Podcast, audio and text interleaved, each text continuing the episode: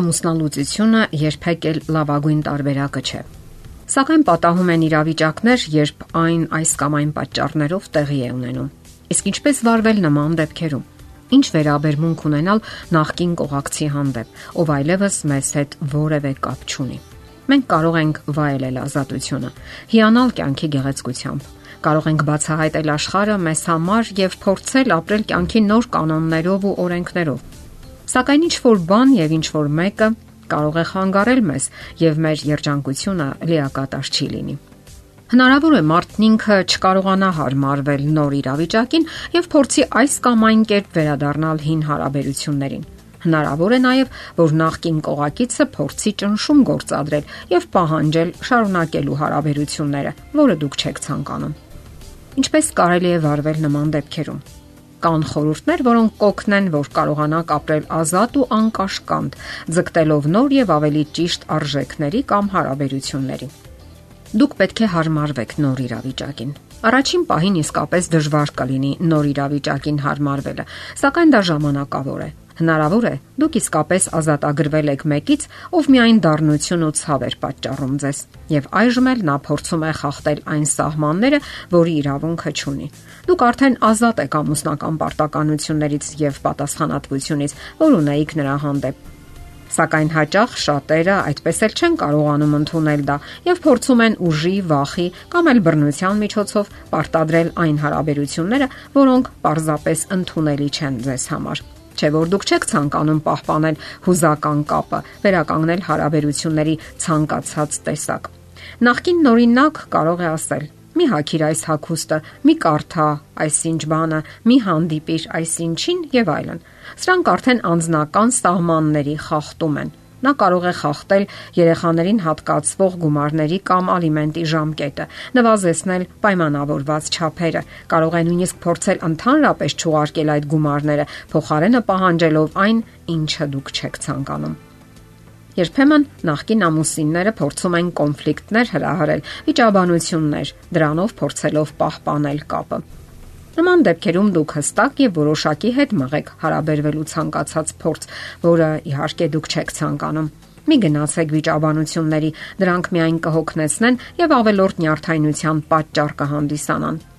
Գոյություն ունի մարդկային տեսակ, որը նմանվում է վամպիրի եւ հյուծելով ձեզ հուզականորեն ու ֆիզիկապես հասնում է իր ուզած նպատակին։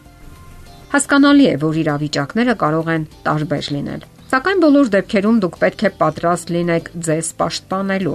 Իսկ եթե վտանգ կա ֆիզիկական բռնության, ապա իրավիճակին կարող են միջամտել համապատասխան մարմինները։ Իսկ ընդհանրապես կարևոր է, որ թույլ չտաք իրավիճակը ձգձգվի եւ խորանա եւ դուրս գա վերահսկողության սահմաններից։ Ասենք որ ավելորտ խղճի խայթը կարող է չարկատակ խաղալ ձեր գլխին։ Շատ կանայք երբեմն մեղավորության զգացում են ունենում նախկին ամուսնու հանդեպ։ Նրանք ասում են. ամուսինը շարունակում է զանգել ինձ, որովհետև այնքան միայնակ է զգում իրեն։ Ապա սկսում է այսպես կոչված փրկության գործընթացը։ Հիշում է իրենց կյանքի լավագույն պահերը, թե ինչպես է այս կամ այն լավությունն արել ամուսինը։ Ուրիշներն էլ փորձում են այստեղ վերականգնել հարաբերությունները, սակայն փոքրիկ ազատությունից հետո ամեն ինչ վերադառնում է իր նախկին հունին եւ հետևում են ազատությունից զրկելու բռնության, դավաճանության երևույթները։ Հարցն այն է, որ այս ամենը իրականում ոչ մի կապ չունի խղճի, պատասխանատվության եւ առավել եւս սիրո հետ։ Պարզապես հարկավոր է իմանալ, որ դուք այլևս ամուսիններ չեք եւ որ շատ հազվադեպ է լինում, որ մարդիկ իսկապես փոխվում են եւ անկեղծ խղճի խայթ են զգում նախքին բացասական վերաբերմունքի համար։ Գաղտնիք չէ, որ ամուսնության մեջ բռնություններից հիմնականում տուժում են կանայք։ Եվ արդյունքում խոցվում է նրանց թե ինքնասիրությունը եւ թե արժանապատվությունը։ Եվ շատ կարեւոր է վերականգնել արժանապատվությունը։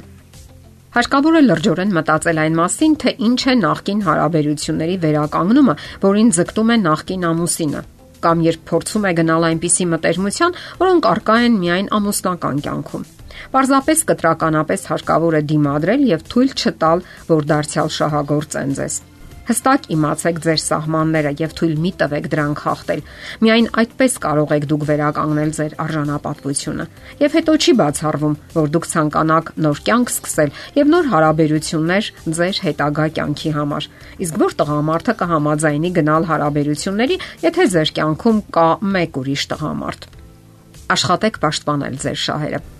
Հասկացեք, թե ինչ եք ցանկանում դուք ընդհանրապես, որոնք են ձեր շահերն ու իրավունքները։ Շատ կանայք պարզապես չեն կարողանում պատկերացնել, որ իրենք եւս կարող են ցանկություններ ու մղումներ ունենալ։ Մտածեք այն մասին, թե ինչն է խանգարում ձեզ հասնելու ձեր ցանկություններին, նպատակներին ու երազանքներին։ Մտածեք նաև այն մասին, թե ինչու է նախկինը խախտում սահմանները եւ փորձում վերականգնել այն, ինչը միայն անհանգստություն ու դառնություն է պատճառում ձեզ։ Եվ վերջապես, փորձեք նոր կյանք սկսել։ Մեկ ընդմիշտ մոռացեք այն, ինչը ձեզ միայն ցավ ու տխրություն է պատճառել։ Վայելեք այն հնարավորությունները, որոնք արդեն բացված են ձեր հորիզոնում։ Միգուցե նոր աշխատանք որոնեք, նոր մասնագիտություն ձեռք բերեք, նոր ընկերներ, իսկ միգուցե նաև նոր հարաբերություններ ամուսնական նոր հերանեկարով։ Դուք այժմ ավելի իմաստ ունեք եւ ավելի փորձառու մարդկային հարաբերություններում Փորձեք չկրկնել հին սխալները եւ համարցակ առաջ ընթացեք եւ թույլ մի տվեք ոչ մեկին, որ խախտի ձեր սահմանները։ Եթերում է ընտանիք հաղորդաշարը։ Ձեզ հետ է Գեղեցիկ Մարտիրոսյանը։ Հարցերի եւ առաջարկությունների դեպքում զանգահարեք 041 08 20 93 հեռախոսահամարով։ Հետևեք մեզ hopmedia.am հասցեով։